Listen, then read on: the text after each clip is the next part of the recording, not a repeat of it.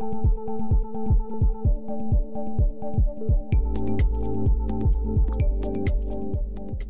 Baie dankie Renske en welkom by Kommentaar. Ons is terug in 'n warm Johannesburg na die Toyota is Woordfees daar in Stellenbosch. Lekker koud gewees die afgelope week. Dankie aan almal wat kom saam luister het daar en gesels het, almal wat van die huise af gepraat het en saam geluister het. Intussen het die wêreld hier nie stil gestaan en ons praat daaroor vanaand en een van my gaste is Riana de Langer, senior sakeverslaggewer van Rapport. Goeienaand. Goeienaand Susan. Welkom hier en dan Anton van Niekerk, 'n professor in filosofie. Goeienaand Anton. Nou, Susan. En hy is natuurlik ook by die Universiteit Stellenbosch en Rudy Buys, die uitvoerende dekaan by die Cornerstone Instituut in Kaapstad. Goeienaand Rudy. Naand, naand, lekker om hier te wees. My klankingenieur is Laal Pieterse. Ek is Susan Paxton.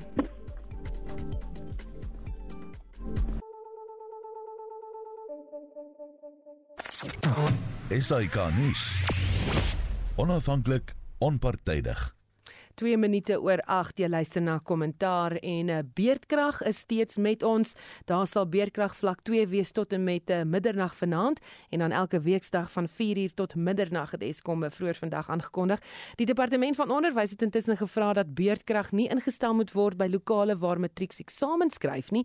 Dis geldig vir twee spesifieke vakke, rekenaartoepassing tegnologie en inligtingstegnologie.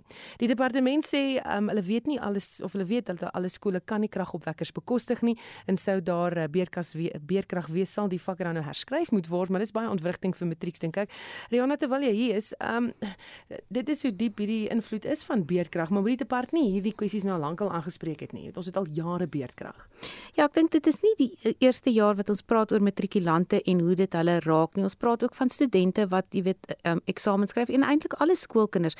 So dit is so um, jy moet nou so fyn beplan rondom beerdkrag want jy moet nou leer jy moet moet seker maak jy het genoeg data vir as die wifi afgaan. Jy moet seker maak jou toestelle is um, ten volle gelaai. Jy weet waar gaan jy leer in die aand as die as die krag af is en al daai goed. En ek dink is net goeters wat wat 'n ongelooflike bykomende stres plaas op um, matrikulante, kinders wat reeds onder so baie druk is. Jy weet, nou dit help miskien dat uh, Eskom gesê het ons het nou beerdkrag van so 4 uur in die middag af. Miskien sal eksamen lokale nou nog kan voortgaan so, maar daar's so baie onbeplande dinge rondom hierdie beerdkrag. Jy weet selfs al sê hulle dit gaan eers van 4 uur in die middag. Wie sê jy weet oor 2 weke of 3 weke verder sit ons nie in die middel van die dag weer met fase 4 beerdkrag nie.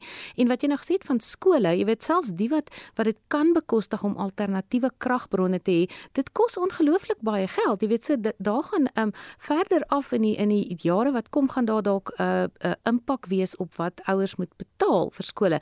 En onthou net, jy weet ons het nou jy praat nou van die warm Johannesburg. Ons het hier gesit die afgelope 2 weke. Dit was snikkeet warm. Jy weet wat van as jy sit in 'n lokaal en daar's dalk waaiers om die kinders koel te hou of wat ook al. Dit het 'n baie baie groot impak en dit is Omalusi het gesê, jy weet ons moet kyk na hierdie stories. So hopelik is daar 'n plan, maar um, ek dink amper ook soos jy sê, is eintlik 'n bietjie laat om nou met iets baie um, behoorlik vorendag te kom.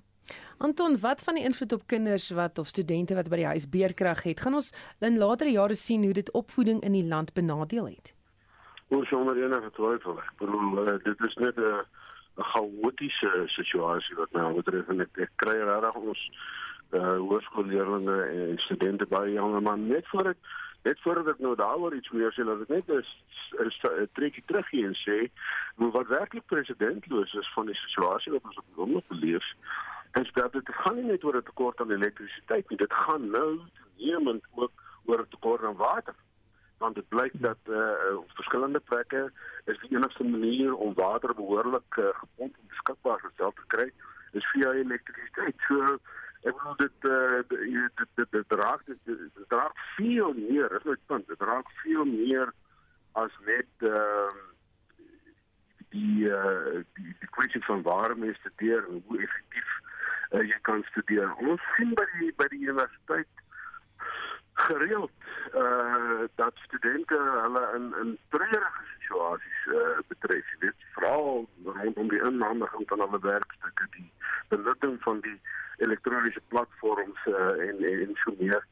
Uh, ek weet nie heeltemal wat die oplossing daarvoor is nie. Ek ek, dink uh, ek dink ons regering het 'n maatskaplike idee uh jy weet hoe om die saak uh aan te pak.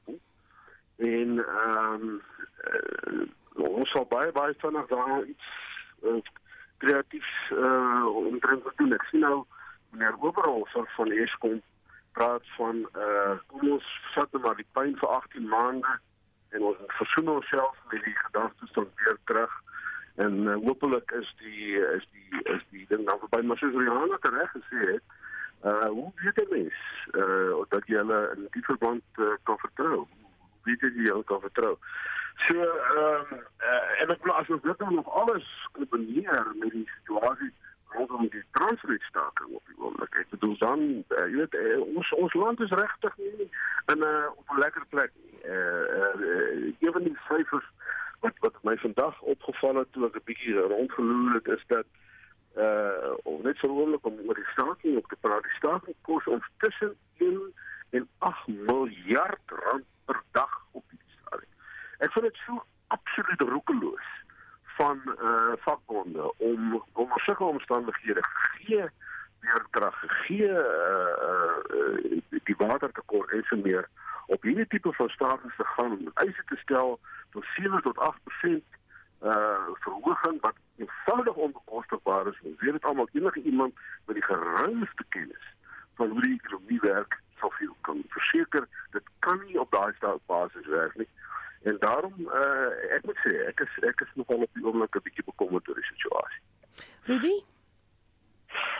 Ja, wie ek um, ek weet op 'n sekere manier ehm um, dink ek is hy jy weet die kreatiwiteit uh, uh, van Anton waarna jy vra of versoek of verwys is ehm um, is bietjie aan die gebeur veral by skole. Ons sal nou weet dat in uh, veral armer gemeenskappe ehm um, jy weet daar die gewoonte is dat jy weet daar steeds by skole jy weet na skooltyd noem dit maar so die kinders by skool gehou word om verder te leer en so aan. So dit gaan so 'n bietjie oor die gebruik van daglig op 'n sentrale punt. Ehm um, en natuurlik is moeiliker op kampusse, maar dit gaan so 'n bietjie daaroor dat dat die huidige situasie al hoe meer mense belang belangrike gebruik kampusse sê daarin indwing om saam te werk, jy weet, om saam 'n sentrale punt te skep en so aan. So wat gebeur by kleiner kampusse, by kleiner fakulteite en so aan is dit dat eh, 'n uh, kampus eintlik beskou word as die een plek waar jy nou, jy weet, deurlopende krag uh, daar het en in die geval dan nou water ook. En so dat jy al die fasiliteite daar bou en dat jy eintlik jou jou jou hulpbronne, jy weet, aanwend vir daai een plek in 'n gemeenskap. Die ou gedagte van die skool by die senter, jy weet, aan die hart van die gemeenskap en so. So daai tipe van werk begin gebeur wat ek hou van wat Jan Oberholzer gesê het, um in 'n sekere sin, jy weet, sê maar net wat ons almal reeds doen, dit is dit is dit is om bekrag as 'n gegewe te aanvaar vir 'n sekere tyd of wat ook al. Maar dat dat dat, dat baie meer die weet die die die wat amper beplan word rondom die die die slegste scenario. Jy weet, die ding wat die wat mense die minste graag wil hê in in 'n sekere sin sou ek dit so 'n bietjie as 'n skuif beskou waarin dit gaan dat ons nie meer die boodskappe behoort te kry van wat ons dink die beste scenario gaan wees. Met ander woorde, ons gaan ten minste vir 18 maande. Wees eerlik daaroor en sê ons gaan vir 2 jaar sukkel. Dit beteken besighede, verskillende sektore kan beplan met realisties. Nou goed, natuurlik die vraag is nou kan kan jy nou regtig pyl trek op op op daardie ehm um, tydslyne wat gegee word. Maar ek beskou dit as 'n skuif waar baie meer gesê word, want hierdie is die realiteit van die saak ons moet daarvoor ons beplan. Ehm um, so ek dink dis 'n goeie ding alhoewel dit natuurlik sleg ding verteenwoordig dat dit dit die dat die situasie eintlik maar net is nie opgelos kan word nie. Uiteindelik dink ek die antwoord lê in dit is, is dat plaaslike gemeenskappe besighede en gemeenskappe op 'n plaaslike vlak organiseer rondom 'n skool en 'n skool ondersteun as die plek waarheen kinders kom om te studeer, ook veral vir die matrieks. Daar gaan na my gevoel kan mense is dit 'n onrealistiese verwagting om te dink dat tydens die matriekeksamen daar geen gevalle gaan wees waar daar beerkrag 'n uh, invloed gaan hê nie. Mens moet daar realisties wees. Daar gaan situasies wees waar dit 'n invloed gaan hê. Al gaan dit oor sekere vakke waar jy rekenaars nodig het of nie, waar jy lig nodig het en daai tipe van goed. So mense moet liewer wil ek amper sê ehm um, al hoe meer nie na die beste scenario soek nie, maar reg na die slegste scenario en natuurlik werk om die beste scenario moontlik te maak. Hmm. Rihanna, wat's jou ja, gevoel? Ja, mag ek mag ek dit sou sê ek bedoel dit is uh, dit ek, ek, ek hoor wat Rudy sê en, en dit is geldige punte wat hy maak. Maar van die saak is uh ons kan nie ons kan nie die probleme in sy totaliteit op hierdie manier ander nie. Ek bedoel Eskom moet met uh strategieë en en en en planne en meganismes wat voorkom wat hierdie probleem oplos. Een van van die belangrike dinge is die verskynsel van hernubare energie. Dit is wat my betref nie onraambaar nie. Ons het 'n klomp mense, ons weet dit in hierdie land wat beskikbaar kan kom as hulle as as as Eskom en die regering net behoorlike uh bestuursmaatreëls tref wat beskikbaar kan kom om uh elektrisiteit uh, op op op 'n meer effektiewe skaal beskikbaar te maak. En uh dit gebeur nog nie en dit is net nie wat naam betref hmm. genoeg nie. Ja, maar ek ek sal begin oor 2 weke. En so die ding is net, ekskuus as ek nie rede val, maar die ding is net, ek dink so 'n belangrike gesprek om op die tafel te hê saam met luisteraars, maar dit gaan oor die om, om te beplan vir die realiteit. Jy weet so die ding is terwyl ja. ons soek na die oplossings by Eskom, begin ons kinders oor 2 weke met matriekeksamen, jy weet. So so op 'n manier terwyl ons wag vir die groot goed om reg te skuif, dink ek met ons leiding en mense doen dit natuurlik, maar dit is net 'n gedagte. Maar ek ek stem saam met prof, die die die die, die, die langer antwoorde moet vinniger kom van Eskom af. En as ons moet as as ons moet leierskap hernie by Eskom, dan moet ons dit doen. Rihanna? Ja, ek dink ek ek stem in 'n mate saam dat dit goed sal wees om te sê, goed, ons staan nou op 'n punt, ons moet weet vir 2 jaar lank gaan ons ten minste elke dag fase 1 of 2 beerdkrag hê. Ek dink net nie ons is in 'n punt en Eskom is in 'n punt waar hulle kan sê dit is hoe dit gaan wees nie. Ek weet ek dink nie Eskom weet in die stadium hoe geweldig baie instandhoudingswerk daar is nie. Is die situasie met um goed wat onklaar raak met stasies wat so oud is, kragstasies wat so oud is dat ons eintlik die die instandhoudingswerk wat normaal gedoen moet word en waarvoor beplan word. Ek weet nie of ons heeltemal die omvang van daai situasie besef en of Eskom dit besef nie en en daarom is ek is ek skrikkerig om te weet dat hulle vir ons gaan sê miskien fase 1 vir vir 18 maande of fase 2 vir 18 maande maar dat dit op baie kort kennisgewing dramaties kan versleg. Hmm. Ja, hier's 'n luisteraar wat sê Rudy en jy het nou verwys dat ons die tema op die tafel moet plaas saam met die luisters en iemand wat sê kan julle nie net soms oor iets anders as siektes en beerdkrag praat nie. Mense begin wens dat beerdkrag die RSG ook soms kan afskakel, maar dit bly 'n belangrike kwessie want intussen uh, moet jy ook betaal vir minister se krag en uh, want hulle het min werksekerheid. Dis hoe die minister en die presidentsie Mondli Ngubele die aanpassing in die ministeriële handboek verdedig het. Ek moet sê tans is daar maar min werksekerheid enige plek uh, as ek so kyk na die ekonomie. Ehm um, en uh, dit voel vir my amper dat die ministerie se half meer is waar werksekerheid is want ek sien nie die mense wat afgedank word weens die feit dat hulle nie hulle werk doen nie. Uh Rudy? Ja. Ek kom ek sê dit is natuurlik om die jy weet om van die berigte te lees dat die nuwe handboek van voordele en so aan vir die vir die ministers ehm um, eintlik moet maar 'n verhoging of 'n verbreding van die van wat jy mag kry as 'n minister in terme daarvan jou dienste lewer. Ehm um, dit is natuurlik polities 'n uh, uh, jy weet 'n slegte storie om nou op die tafel te hê.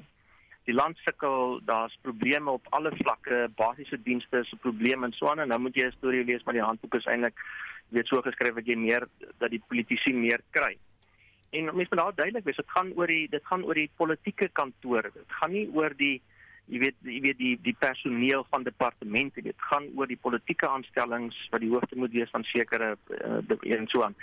So en dit is nie dit is nie 'n goeie ding nie. Dit is ongelukkig ook so dat dit dit dis nie 'n goeie sein in terme van uh uh die president se vermoë om die ingrypings wat hy aanvanklik ingestel het um, om dit op die tafel te hou nie. Jy weet om om minder te maak wat spandeer word aan aan, aan die politieke politieke hoofde en so aan was 'n baie goeie teken, maar nou val dit weer terug. En dis waarskynlik deel van die groter kritiek op die president op die oomblik is dat die uitvoering van die intervensies wat mense soek, uh jy weet so 'n bietjie van 'n probleem is. So dit is nie 'n goeie teken polities nie en natuurlik gee dit uh, lekker, jy weet, materiaal vir oppositie om teen die president en die en die regerende party te skiet.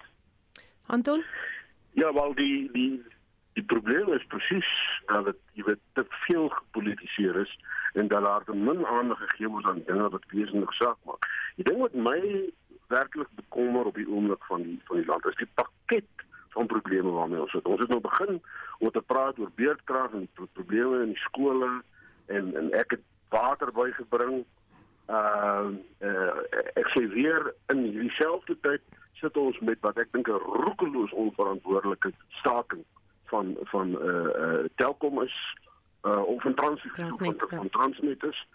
Eh uh, ek bedoel ons gaan hierdie soort van kompleks van probleme dink ek eers werklik op 'n verbeeldingryke manier aangespreek kan kry as daar 'n vernuwing kom van wat ek wil noem die sosiale kontrak die sosiale kontrak wat ons met mekaar aangaan en vir mekaar sê dat jy weet alles kan nie uh, gelyktydig uit die hemel uitval en en en, en, en ons voordeel nie. Daarom moet ons ook bereid wees om uh, om sekere opofferings te maak. Ons word in elk geval gedwing by die elektrisiteitskwessie aan betref om dit te doen. Maar dit lyk net vir my belangrik dat ons uh, uh, dat, dat die president en die regering ons nie sal herinner dat alles gaan nie net oor die posies wat mense beklee en die salarisse wat hulle kry en al daai soorte van goederes nie. Dit gaan oor die sosiale pakket, die sosiale kontrak in die land, die verbintenis aan waardes, die verbintenis aan uh dinge wat ons saam gaan doen en opofferings voor gaan maak ten einde uiteindelik die land te maak werk. Ja, ek dink net miskien net daai ek ek voel presies so, jy weet dit is um, die president het al beloof in sy in sy staatsrede ons is hier op die punt van 'n nuwe uh, maatskaplike verdrag tussen al die rolspelers en in die stadium lyk dit vir my asof een van die baie belangrike rolspelers in die sin van georganiseerde arbeid is die mense wat die meeste daarteen skop en nie na die tafel toe kom om ook um, jy weet te by te dra aan tipies is is 'n staking soos hierdie lyk daarna. Jy weet dit word net op elke moontlike manier is daar vakbonde wat lyk of dit 'n remskoen is in aan aan die ekonomie. Ja. Mm.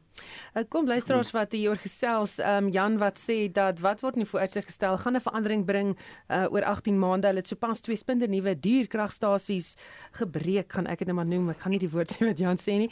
Nog iemand wat sê praat praat reg uit die ANC moet waai. Dan sê iemand wanneer gaan daar nuwe damme gebou word? Dit sluit nou aan by Anton se punt oor al die ander probleme. Woonbuurte is brei uit, maar daar word nie daarmee saam damme gebou nie. Ehm um, water se krisis, skole se krisis sê die persoon.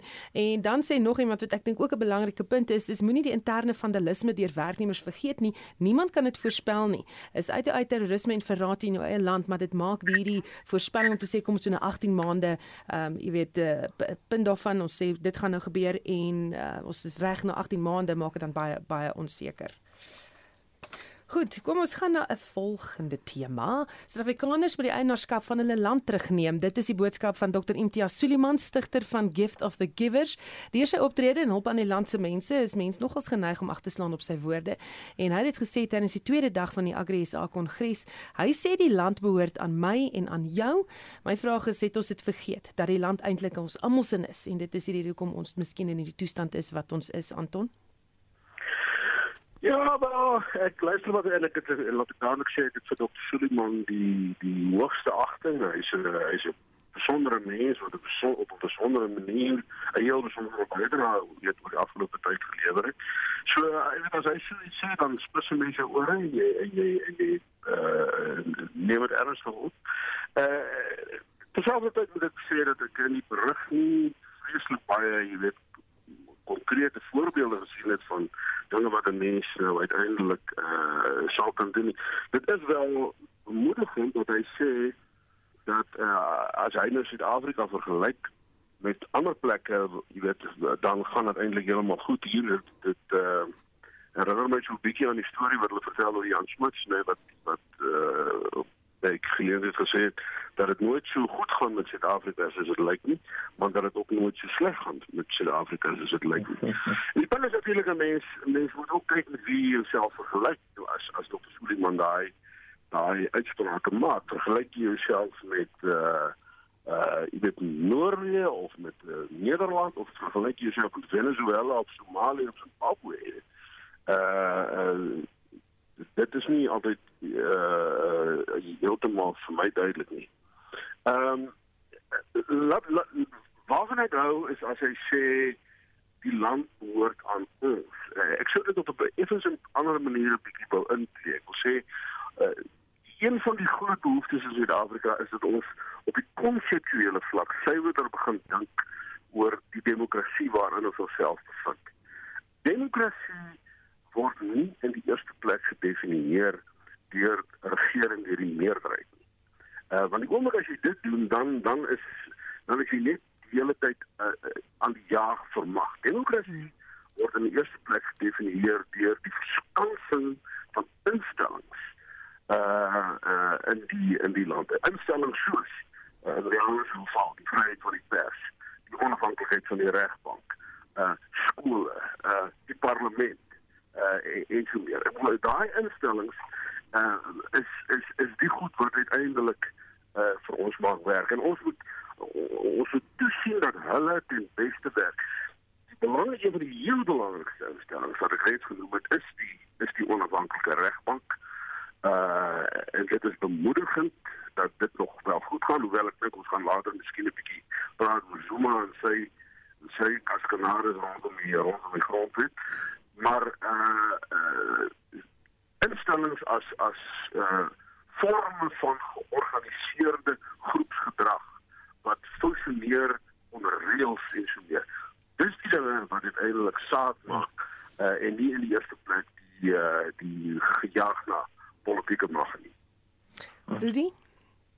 Wel ek sien ek um, mens moet onthou by watter in in watter uh, gesprek wil ek amper sê ehm um, uh, Dr. Suliman, jy weet die opmerkings gemaak. Dit was by 'n konferensie van AgriSA en van wat die mense wat in die vertrek sit is mense wat uh, jy weet te doen het met uh die paaie wat heeltemal uitmekaar uitval waar jou vragmotors moet ry en jou jy weet in Swan en jy weet die die jy weet in Swan so so, so die die die die die groot probleme wat in die vertrek gesit het is eintlik op die tafel wanneer Dr. Suliman praat en sê jy weet ons moet ons moet in en dit moet almal gaan so bietjie vir my of ek het dit gelees die kommentaar gelees in in in, in sy insette daar as 'n spesifieke wil ek amper sê aanmoediging van hoe hanteer jy die baie praktiese werklike probleme van die omgewing waar die landbou in moet funksioneer.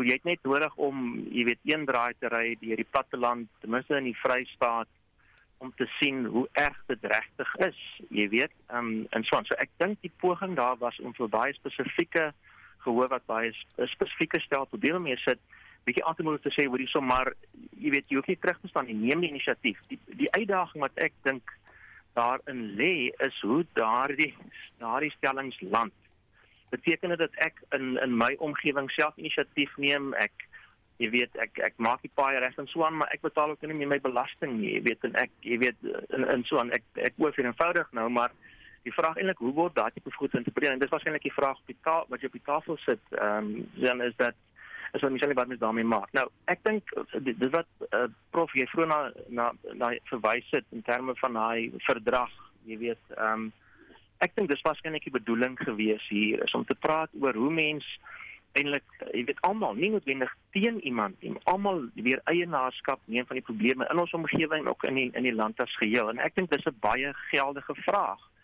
iemand soos hy is natuurlik 'n inspirerende figuur. Ehm um, wat reg oor grense heen waar daar die jy weet in terme van die van die organisasie se mening die grootste probleem is regtig alles gee en alles doen om te help. Ehm um, so ek ek mens moet daai inspirerende boodskap neem. Maar ek dink uiteindelik gaan dit bietjie daaroor oor hoe dit val, uh, hoe dit land in daai spesifieke omgewing. Ek net een ding nog daaroor sê. En dit sit bietjie aan met die vorige gesprek oor. Ek dink ons ons beweeg al hoe meer in 'n in 'n periode in eh, in 'n tydvak in waar dit werklik in ons land al hoe meer eilande raak. Dit is 'n eiland en jy weet 'n skool is 'n eiland in 'n gemeenskap en hierdie paar dorpe in 'n sekere provinsie funksioneer goed en op hierdie punt in die politieke stelsel werk dit reg en op daardie punt werk die uh, OVK goed jy weet op hierdie so sodat jy eintlik al hoe meer begin hulpbronne stoot na sekere plekke sekere eilande toe en dis 'n uh, dis 'n tipe van beweging wat ek ook sien jy weet uh, wat waarskynlik hierdie stelling probeer jy weet wegdruk en sê hoor so moenie jouself isoleer nie moenie jou eie oplossing op een plek in een hoek nie kom weer terug in in, in werk in die geheel. Rihanna? Maar maar terselfdertyd as ek dit een ding nou vanaand mag reageer. Terselfdertyd moet ons dan nou ook realisties wees, jy weet. Ek bedoel eh uh, uh, uh, ek kan nie as 'n individu deur die Vrystaatse platteland ry en in in in uh, slaggate sien en onmiddellik stop en goed begin toegooi. Jy verstaan, ek bedoel dan daar is daar is eh uh, uh, kollektiewe meganismes, diensleweringsmeganismes wat moet operasioneel wees vir hierdie goed. Ek bedoel anders gaan gaan ons nie nie. Ons moet ook 'n bietjie realisties wees. Maar goed, dankie ek lag los dit daar. Ja, ek dink die die die boeregemeenskap in die landbou in Suid-Afrika is ongelooflik veerkragtig. Ons nog praat oor die paaie, jy weet hulle moet planne maak met elektrisiteit, maar daar's baie dinge wat die wat die boerderye um, aan bande lê wat hulle uitdagings, jy weet soos nasionale minimumloon, al hierdie goed wat oor jou kop hang van onteiening sonder vergoeding. Daar's so baie goed waarmee boere, hulle kry nie enige subsidies eintlik van die staat soos baie ander lande nie. En selfs te midde daarvan maak hulle planne, hulle doen werk, maar dan is daar nog steeds wetgewing en goed wat hulle aan bande lê. En ek dink um, Dr. Suliman is 'n is 'n persoon van hoop want hy het al in die boeregemeenskap, in die lande landbougemeenskap het Gift of the Givers al baie gedoen. Hulle het boorgate gedoen. Hulle het planne gemaak om om veevoer by mense te kry wat in droogte getuisterde gebiede is. So in daai opsig is is hy 'n goeie persoon om om te praat, maar hy het ook gesê daar moet samewerking wees met die regering. En ek dink daarin lê 'n baie groot uitdaging. Ek dink daar's dele van die regering, van staatsdepartemente waar jy ministers het en DG's het wat luister na die privaat sektor en van die planne implementeer. Daar's byvoorbeeld sulke pad um, die Limpopo pad agentskap, hulle werk met die privaat sektor redelik goed saam. Maar dan is daar ander wat regtig net vassteek. Hulle wil net niks hoor van van planne wat kan werk of logistieke uh, probleme wat opgelos kan word nie. En dit was my interessant dat Dr. Roel Kosa wat 'n gerespekteerde sakeman is en baie direksies sit. Hy was een van die eerste sakemanne wat so 10 jaar gelede baie kritiek op die ANC uitgespreek het toe hy nog by Netbank was. En hy het so 2 weke terug het ek na hom geluister en hy het gesê 'n groot probleem van die ANC hoe dit nou is en hoe dit kan verander is dat daar's net 'n absolute arrogansie selfs van die leierskap af word daar gesê ons sal regeer tot met die wederkoms. Hy sê jy kan nie met daai arrogansie werk nie en dit sal moet verander as ons hierdie beter samewerking wil hê tot voordeel van van die landsburgers. Hm. Hier's 'n klomp luisteraars wat nog saamgesels selfs oor die vorige tema iemand wat sê hou op wollerig praat die burgers kan nie alles doen nie en dan sê 'n luisteraar wat my uittrap en sê jy loos, lees nooit my SMS'e nie. Is Nadia is verskriklik jammer. Daar's baie SMS'e wat inkom ek probeer maar sy sê ehm um, ja nee wat ek gaan ook my radio nou op 'n ander stasie sit so gaar vir julle Eskom stories. Maak mens so siek tot in jou siel man. Praat oor wat in Oekraïne en Rusland aangaan. Dit raak ons tog. Mense raak daai moeg vir vir dit wat met Eskom aangaan. En dan sê hy sê die ding wat ek eintlik aan wil raak. Um, en julle so effens daan gevat. Uh en uiteindelik gaan die Unies hulle sin kry. So betaal hulle nou wat hulle soek. Daar is geld. Is daar geld, Riona? Ek dink nie daar's geld nie. Eskom het nou 'n uh, verhoging toegestaan, uh, dis ver bo inflasie.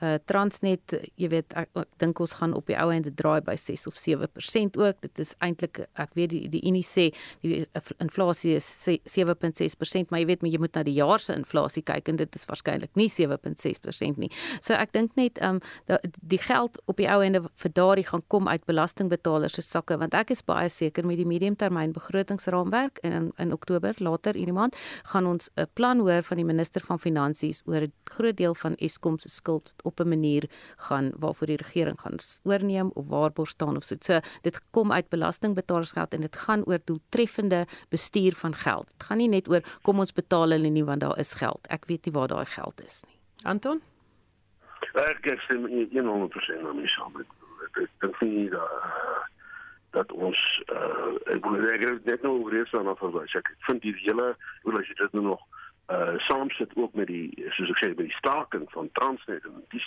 tipe van die manier waarop hulle die uh publieke sektor probeer uh, uh melk in die proses.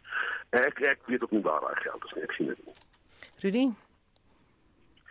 Ja, jy weet ek dis nou hierdie is ja, die, die sameloop van probleme waarmee ons waarmee ons op die oomblik sit is waarskynlik wat alles so so erg moeilik maak. Jy weet is wanneer jy praat oor die vakbonde, praat natuurlik oor jy weet die praktiese onderhandeling van wat daar gebeur het gaan oor die groter skakeling met die met breë politiek en politieke partye en en en weet al daai en so aan. So en dis die moeilike ding is dat wanneer jy onder om 'n onderhandelingstafel gaan sit, dan onderhandel jy een kant onderhandel jy die verhogings in die pakkette en so aan die ander kant onderhandel jy eintlik die agtergrondpolitiek wat in 'n besondere jaar op pad na 'n volgende groot verkiesing weet heeltyd op die tafel is. Ehm um, so uh, jy weet so of daar geld is of nie, jy weet ek het ook die gevoel dat daar nie noodwendig jy weet die geld is nie.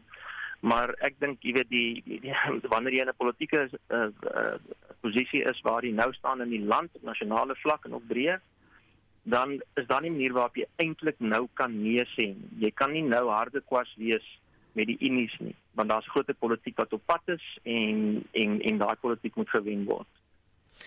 Dan weet meer regte haweloses of belastingbetalers. Jordan Hilloos, die burgemeester van Kaapstad, het die afgelope week die vraag so beantwoord. Haweloses het ook regte, maar die wat belasting betaal het ook regte en albei sin moet gerespekteer word. Hilloos het op media navraag gereageer en gesê dat daar al meer mense op straat beland en die grootste rede daarvoor is die sosio-ekonomiese ineenstorting weens die COVID-19 pandemie. Um te lees uit sy reaksie is daar baie wat geldnood het en baie wat dwelmverslaaf is en die wat geestesgesondheidsprobleme ervaar en dis die laaste twee groepe wat aanvoer dat daar ook nie genoeg plekke is om hulle te help nie. Wys hierdie 'n vinger na ander sektore in die staatsdiens wat die mense val Anton? Wel, uh, ons is 'n demokratiese staat en uh ons nou wil veronderstel in te wees. En dit beteken dat uh almal het in terme van die grondwet dieselfde regte. Die groot probleem in Suid-Afrika uh wat wat uh betaling van van belastings en heffings aan, aan betref, is die kultuur wat ons gevat het in die laat 80er of vroeg 90er jare waar mense net eenvoudig voor die voet begin weier het om uh, om hulle verpligtinge uh, na te kom. En uh die ANC regering het, het, het net nog nooit daar geslaag om uh daai burgerlike bewustheid by mense uh gaande te maak en uh, besef daarvan te laat kry dat uh jy weet uh, dat iets uh, iets moet bygedra word. Uh mens kan in die geval sekerlik onderhandel. Jy hoef nie dieselfde tariewe wat mense in Durban wil betaal, jy weet, te vra vir mense wat plak langs uh, die uh die see by seepunt of wat ook al nie. Uh, Daar's altyd stappe en skrywe wat 'n mens uh kan maak. Uh so ek maar maar waar waar waarvan ek nie al die idee van special pleading ons is plakkers en daarom uh en daarom hoef ons niks is jy weet ons is niemand 'n verskuldig nie. Daar is so dan nie almal in die in die land is iets aan aan mekaar verskuldig. En uh ons hoor ons moet daar op neem.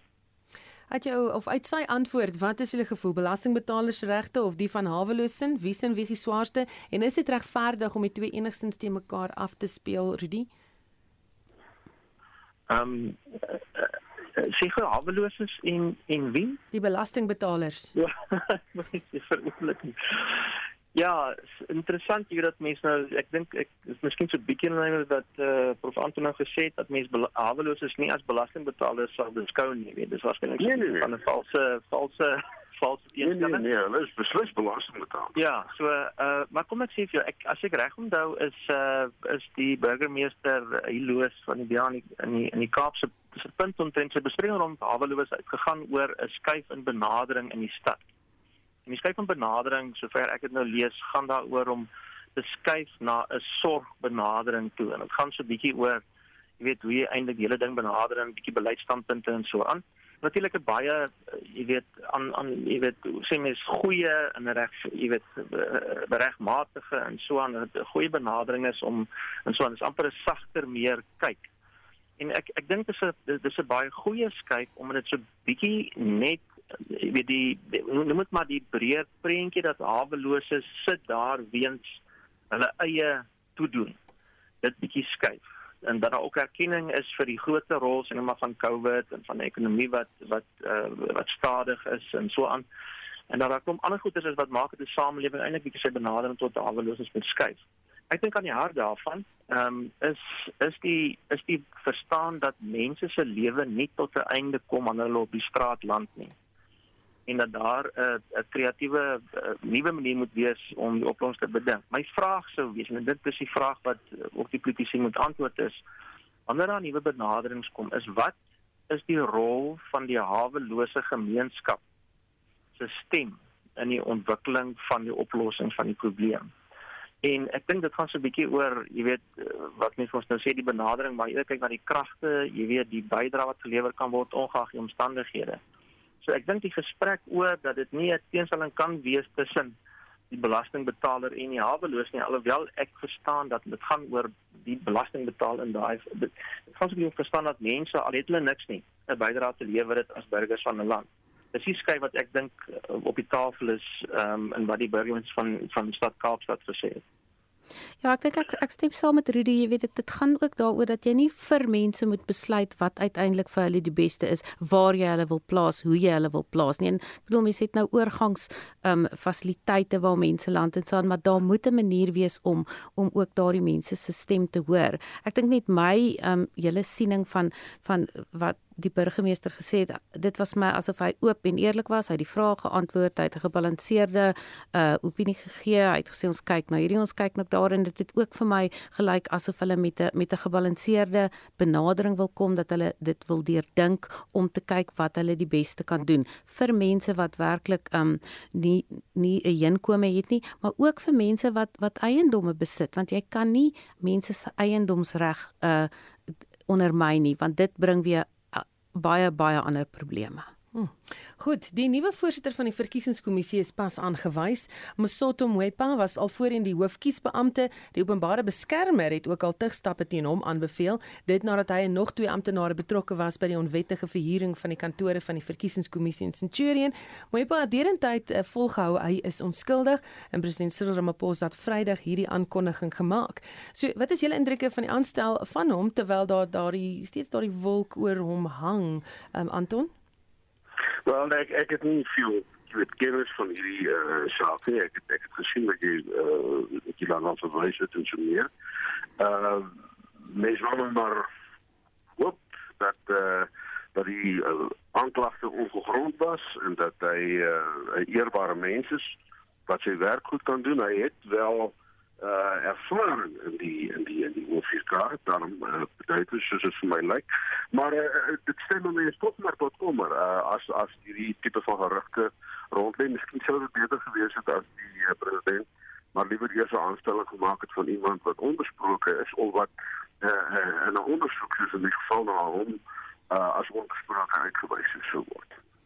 Rudy hoe belangrik is hierdie pos as voorsitter Dit is natuurlik 'n uh, uh, verskriklike jy kan sê dis maar aan die een kant is dit die jy weet die die simboliese integriteit van die OVK word te groot mate geassosieer met die voorsitter, net soveel as met die hoof hoofkiesbeampte geassosieer word. Ehm um, so dit is 'n dit is 'n groot ding, maar ek ek ek weet ek sien in hierdie in hierdie aanstelling of die keuse van van die president ehm um, so bietjie van 'n pragmatiese benadering. So 'n bietjie van 'n voorkeur vir die vir die werkmans benadering wil ek amper sê. So hier het jy nou 'n voorsitter ehm um, wat uh deur die OVK gekom het. Ek amper sê van die van die vloer af opgewerk tot heel bo Hy's iemand wat die binnewerke ken van hoe werk 'n verkiesing behalwe wat nou alles geskryf word oor sy ervaring reg oor die kontinent en verskillende projekte en in in veldtogte en so aan. Lyk dit asof hy iemand is wat jy weet, homself natuurlik die hoofkiesbeampte was en so aan en iemand wat die werkinge ken. Aan die ander bodre dis waarskynlik sien dit dat die bedoeling hier is om iemand aan bestuur van sake te hê ehm um, wat nie noodwendig eerstens die politieke die politieke uh, jy weet spel sal speel of deel sal wees daarvan nie maar meer 'n fokus het op die op die die die funksionaliteit of die verkiesing gaan werk om daai leemtes uh, vas te vat. So ek dink dit is eintlik wat hier is is dat die president op daardie fokus um 'n kans 'n kans geneem het en gesê het alraai kom ons sit sit hierdie persoon uh aan aan die hoof van hierdie organisasie sodat ons kan seker wees die die die verkiesing sal werk eerder as of dit nou, jy weet, polities regval en daai tipe van goed. So, ek dink dit gaan ook ehm um, oor die ervaring wat hy bring na die pos toe. Um, op die oog af ehm um, kon ek niks raakloop wat my laat dink benewens daardie saak waarna ons nou verwys dat daar enige ander kwessies rondom ehm um, rondom uh, meer Mojepa ehm um, uh, op die tafel is nie. En natuurlik wanneer jy in so 'n saak sit en daar was administratiewe foute en dis 'n hele gesprek, dan is dit maklik om 'n saak te konstrueer dat iemand ehm um, jy weet skuldig is aan iets, jy weet. So daar's 'n daar dit bly natuurlik 'n debat. Maar ek sien iets anders wat my op die oomblik laat dink hierso is 'n regtig swak aanstelling. Uh dit lyk my hierdie is 'n keuse vir ervaring. Nou dit lyk my net dit is ook 'n relatiewe dringende saak, eh, soos ek hmm. lees het sê hulle dat uh, die pos was al 6 maande lank vakant. Uh so dit uh, as ek saak reg verstaan, uh, beteken jy weet hulle moet begin bukkel om iemand uh, om iemand daar te kry. Uh, want die verkiesing is nie meer 100 jaar weg. Rihanna, jou laaste gedagtetjie daaroor? Ja, ek dink maar net dit is 'n baie belangrike instelling. Jy weet, mens mens wil seker wees van die integriteit van die instelling uh van vry en regverdige verkiesings, maar ek het ook nog nie die idee gekry dat ons nou, jy weet, agteruit gaan in daardie opsig nie. Um en en solank die verkiesing vlot verloop, alles is goed um, onder beheer, jy weet, daar's integriteit, dan dan is dit goed vir ons verkiesingsstelsel. Goed. Ja, wie ek moet net by byvoeg nee, ek ek jy weet die die vorige voorsitter is eintlik weer deur deur die ANC ehm um, jy weet aanbeveel vir 'n volgende termyn. Die aanstelling met ander woorde wat gemaak is deur die president uh, is nie noodwendige uitvoering van die van die party se standpunt daaroor nie. So dis interessant om daai dinamika op te op te werk en ek dink hierdie aanstelling ander woorde 'n volgende bewys van die president se poging om verandering verandering in die in die breë stelsel in te voeg. Ek wil dit net noem. Hmm. Dan is hier 'n klomp luisteraars wat sê praat asseblief oor Diskem. Wat gaan julle sê oor Diskem? Wanneer praat julle oor Diskem? So ons gaan dit sommer nou doen. Dis my vraag daaroor. Ehm um, uh, Harry het rondom Diskem uitgebreek nadat 'n brief wat intern gesirkuleer is wat aandui dat geen nuwe wit mense aangestel of bevorder mag word nie aan die lig gekom het. Solidariteit het geskryf aan die maatskappy gerig oor die kwessie en klante van die apteekgroep dreig om hom te boikot. Diskem se verweer is dat die brief nou teruggetrek is want dit is swak bewoord, maar dat hy hou by sy standpunt want hy voldoen tans nie aan sy swart bemagtigingsteikens wat vereis word nie en kan beboet word. Wat is erger, die feit dat hy nie sy teikens haal nie of 'n swak bewoorde brief Rihanna? Ehm um, ek dink net wat ons moet sê is daar is teikens wat genoteerde maatskappye moet haal. Daar is wetgewing wat gaan oor gelyke indiensneming, daar's wetgewing wat gaan oor swart ekonomiese bemagtiging. Ek dink die situasie is in baie maatskappye is hierdie die situasie. Daar is teikens wat gehaal moet word vir aanstellings. Ek dink wat gebeur het hier is Diskem het dit openlik in 'n brief uitgestuur na klomp bestuurders en daarom het dit op die op die lappe gekom, kan ek nou maar sê. Maar hierdie is nie 'n vreemde ding in Suid-Afrika nie. Ek dink wat Diskem hier wel gedoen het is om te sê wel ons moet ons teikens haal. Ons is verbind daartoe as 'n goeie korporatiewe burger of wat hoe jy dit ook al sal behoort. Maar ehm um, jy weet as jy dit nie haal nie, dan gaan jy uh gepenaliseer word, miskien in terme van jou wins en alles, gaan dit die maatskappy skade doen. Ek dink die die herrie wat dit ontketen het onder onder ehm um, wit klante van Diskem gaan waarskynlik ook vir hulle 'n bietjie skade berokken. Nou dit is seker maklik om op veldtog op sosiale media te voer en te sê ek gaan nie meer daar koop nie, ek gaan my hele familie, ek gaan oral um, jy weet 'n veldtog voer om mense te keer om daar te koop of mense daarby sal hou, jy weet want markkragte speel tog maar 'n rol. Uh is is 'n goeie vraag, maar ek dink wel Diskem gaan dit voel, maar ek dink nie, nie ons moet dink hierdie is 'n unieke uh, standpunt of of teikens wat 'n Diskem moet haal nie. Hmm. Ek sien die DA het ook nou in die geveg ingeklim en gesê maar saak en eienaars moet nou hulle staal wys en die stelsel in die hof beveg want duidelik is dit onvolhoubaar want as Diskem sukkel om sy kwota te bereik. Ehm um, Anton? Ja, wel ek ek ek weet nie ek is uh ek sou bietjie uh, aan die moeg raak vir hierdie hof te hardlopery oor alles wat uh, die hele tyd. My my verwag eerder uh, oor hierdie Diskem aangeleentheid was of dis uh, optrede nodig was wat wel so drasties is soos wat uh aangedui is in daai brief. Ek dink uh, uh, meneer Zaltzman is heeltemal reg as hy sê dat die aanvanklike formulering van die brief was uh was uh, onprofessioneel en en wat nou betref was ou soos jy ook wil sê ou wat op top. Uh jy kan nie jy kan nie eenvoudig uh, rigiede moratoriums kom plaas as jy nie enkele witte uh meer aanstel nie of nie enkele wit mense meer uh ehm um, bevorder nie daar is daar is meer uh uh jy weet geleidelike prosesse wat er mee hierdie dinge kan doen en en en wat ek dink gaan beteken dat hierdie maatskappye in in onoorkomelike probleme beland nie. So ek sou ek sou reken uh hulle hulle kon dit met 'n baie sagter hand. Rudy? Hmm. Nou, daai brief is kriep dis heeltemal onaanvaarbaar. Dit is so na my van die een mees kri maniere om enigsins transformasie in enige maatskappy of organisasie of instelling op die tafel te plaas. So of dit nou 'n fout was of nie 'n fout was, dis net. Dis so, so eenvoudig soos ja. dit. Die vraag wat mense vir jouself moet vra is: vir Diske moet vra is vir enige maatskappy waarskynlik is nie hoe lyk jou teikens nie, maar hoe lyk jou programme om personeel deur te voer nooit maar van onder tot bo in 'n stelsel. So as jy nie swart kandidate het vir die topbestuursposte nie, maar jy het kandidate vir die volgende vlak poste, het jy programme in plek om daardie kollegas van jou voor te berei, kwalifikasies te kry en deur te bring op die regte vlak. Daar's 'n rede, daar's 'n manier hoe dit gebeur dat jy oh, argumente onthou wat mens nou gebruik dat jy weer terugkom tot by 'n wêreldvlak as 'n rugby kampioen argumente onthou. Dit is nie maklik nie.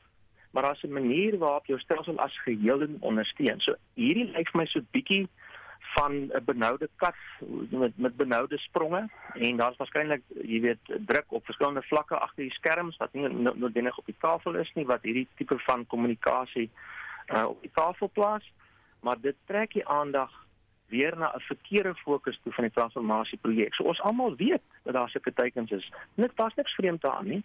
Maar dit is 'n uitdaging om dit reg te hanteer. So nee, ek is ek is uh, ek is uh, baie baie ontstel oor daai brief en uh, en dit skep met meer om te verduidelik as bloot hoe hulle teikens lyk. Dit gaan oor hoe daai organisasie, daai besigheid funksioneer met die ontwikkeling van sy mense om 'n klomp goed reg te stel.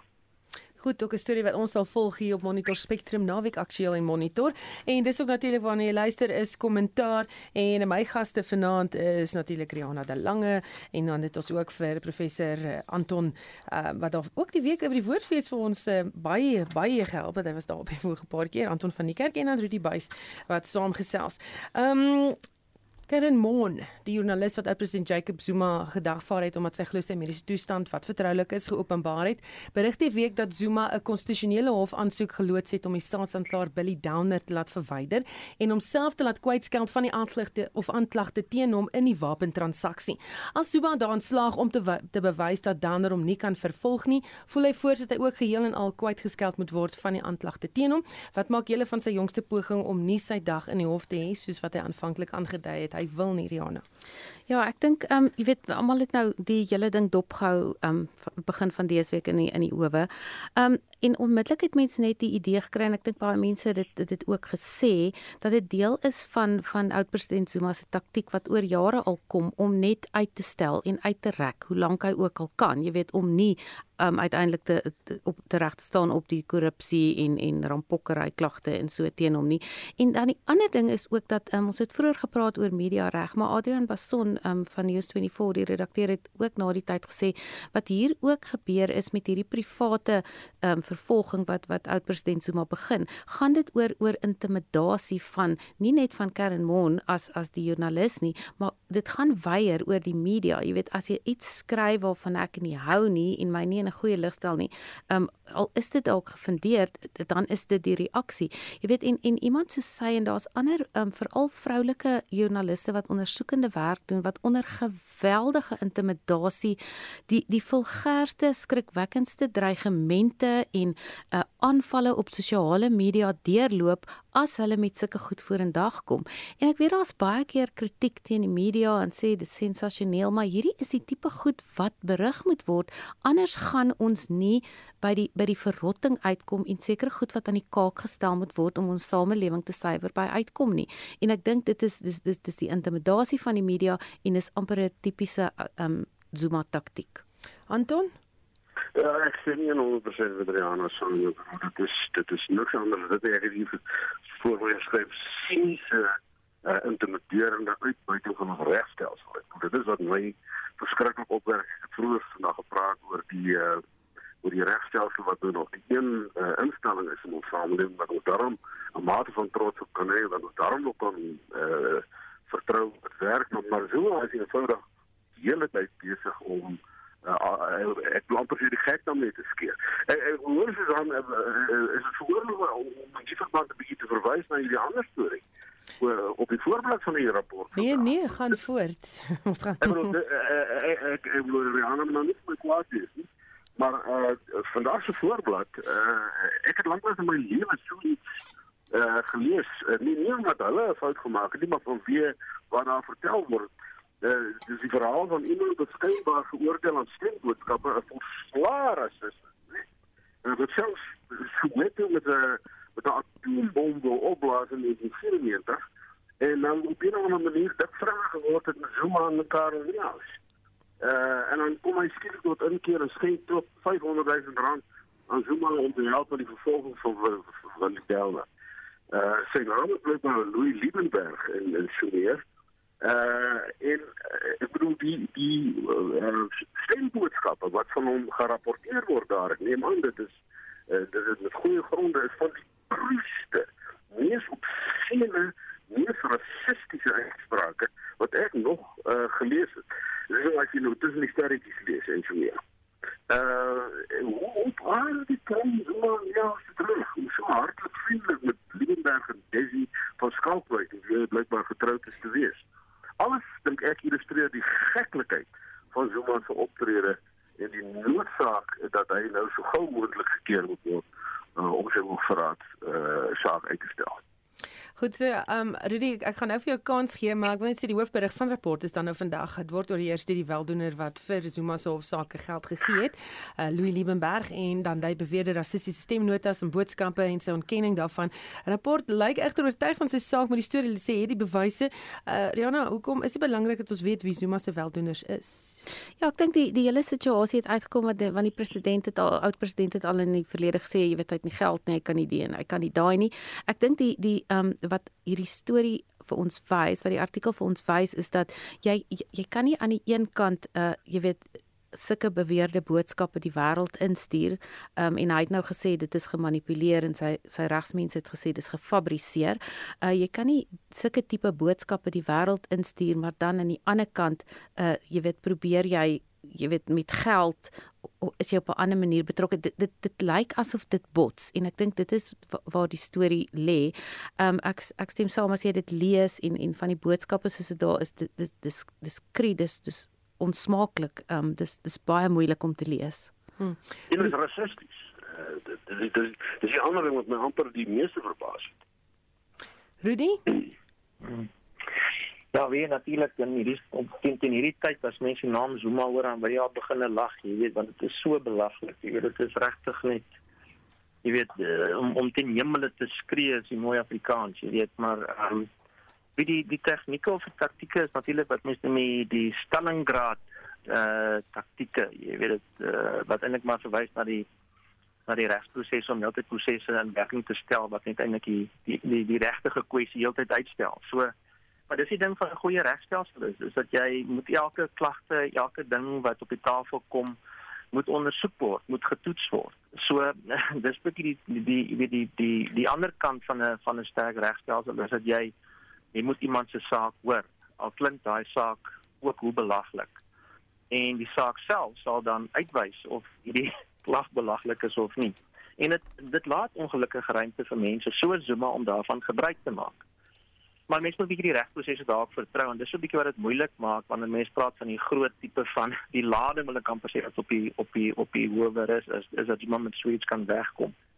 Hm. Ehm um, so ek dink waar dit maar net e-, eerlik gaan is dat mense net jy weet uh direk by ondersteuning vir die howe, ondersteuning vir mense wat 'n kritiese rol speel soos joernaliste, heeltyd verwoord en dat mense daai stem heeltyd op 'n manier verdedig op alle klein en groot maniere. Nou om net so iets wil ek amper sê as 'n beginsel te sê is maklik om te sê maar dit gaan regtig daaroor dat mense wanneer mens goed lees, mense goed op die tafel sit. So mense mense dink sosiale media is net iets wat daar is en so aan, maar mense het regtig gestem as elke burger om van daardie platforms gebruik te maak en ek sou eintlik myself en ander mense aanmoedig om dit te om dit uit te spreek. Natuurlik rasisme op enige vlak is is heeltemal verwerplik. Ek ek ek is ek voel net mense misreken, wat misreken, maar ek dink die mense jy weet, ehm um, sien dit ten volle raak hoe diep bedrog eintlik lê wanneer mense by politieke figure kom nie.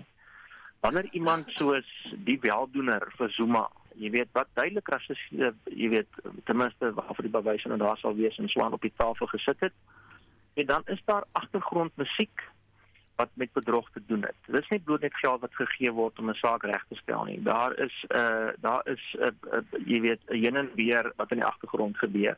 En dit is ongelukkige werklikheid wat op oomblik in ons politieke landskap lê. Ehm um, so op 'n manier raak rasisme in so 'n situasie nie so groot sonde nie. en en en en, en dis die ongelukkige werk hier daarvan. Nee mense dit moet dit moet voortdurend ontbloot word en voortdurend op die voorblad wees. Goed, vir ons groot laaste tema, Cyril Ramaphosa se Renew 2020 veldtog vir 'n presidentskap van die ANC het ook winkelrig begin met beweerde twee speld in die groepering. Daar was groep besluit dat daar 3 kandidaate sou wees uh, in die groep 6 in totaal 3 vroue, 3 mans.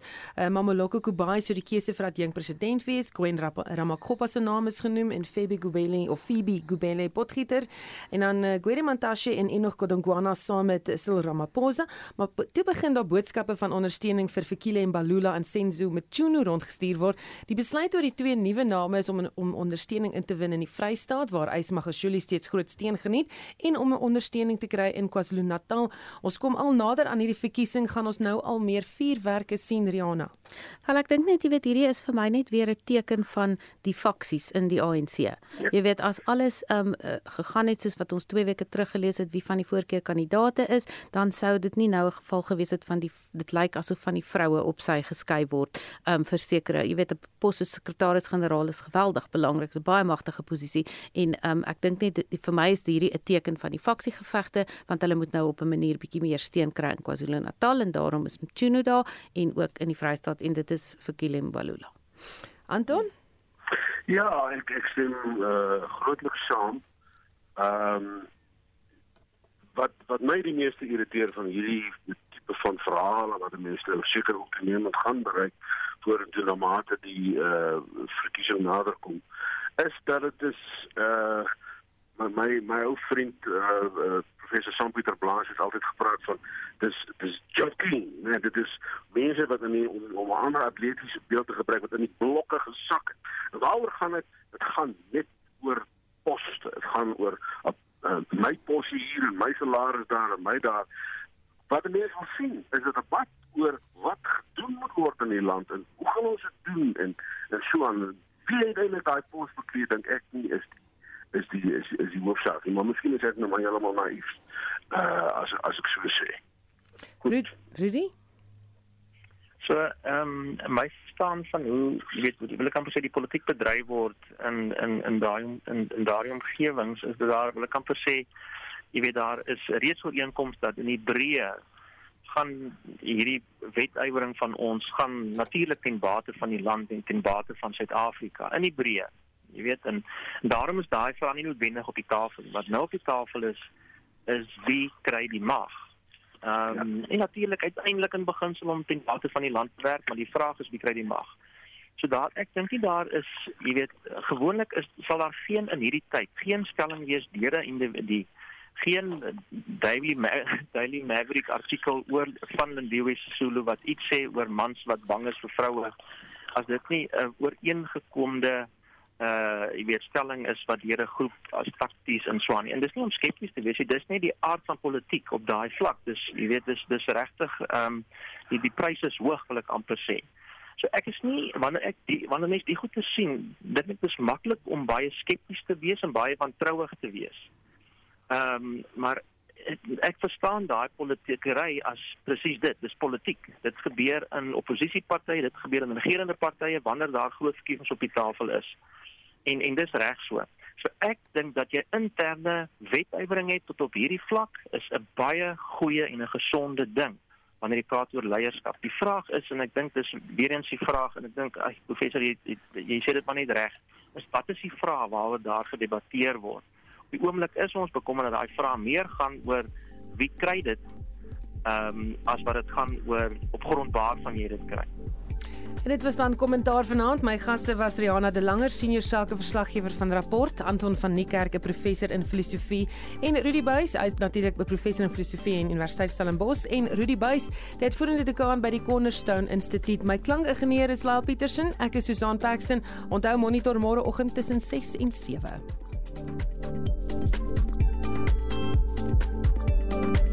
Música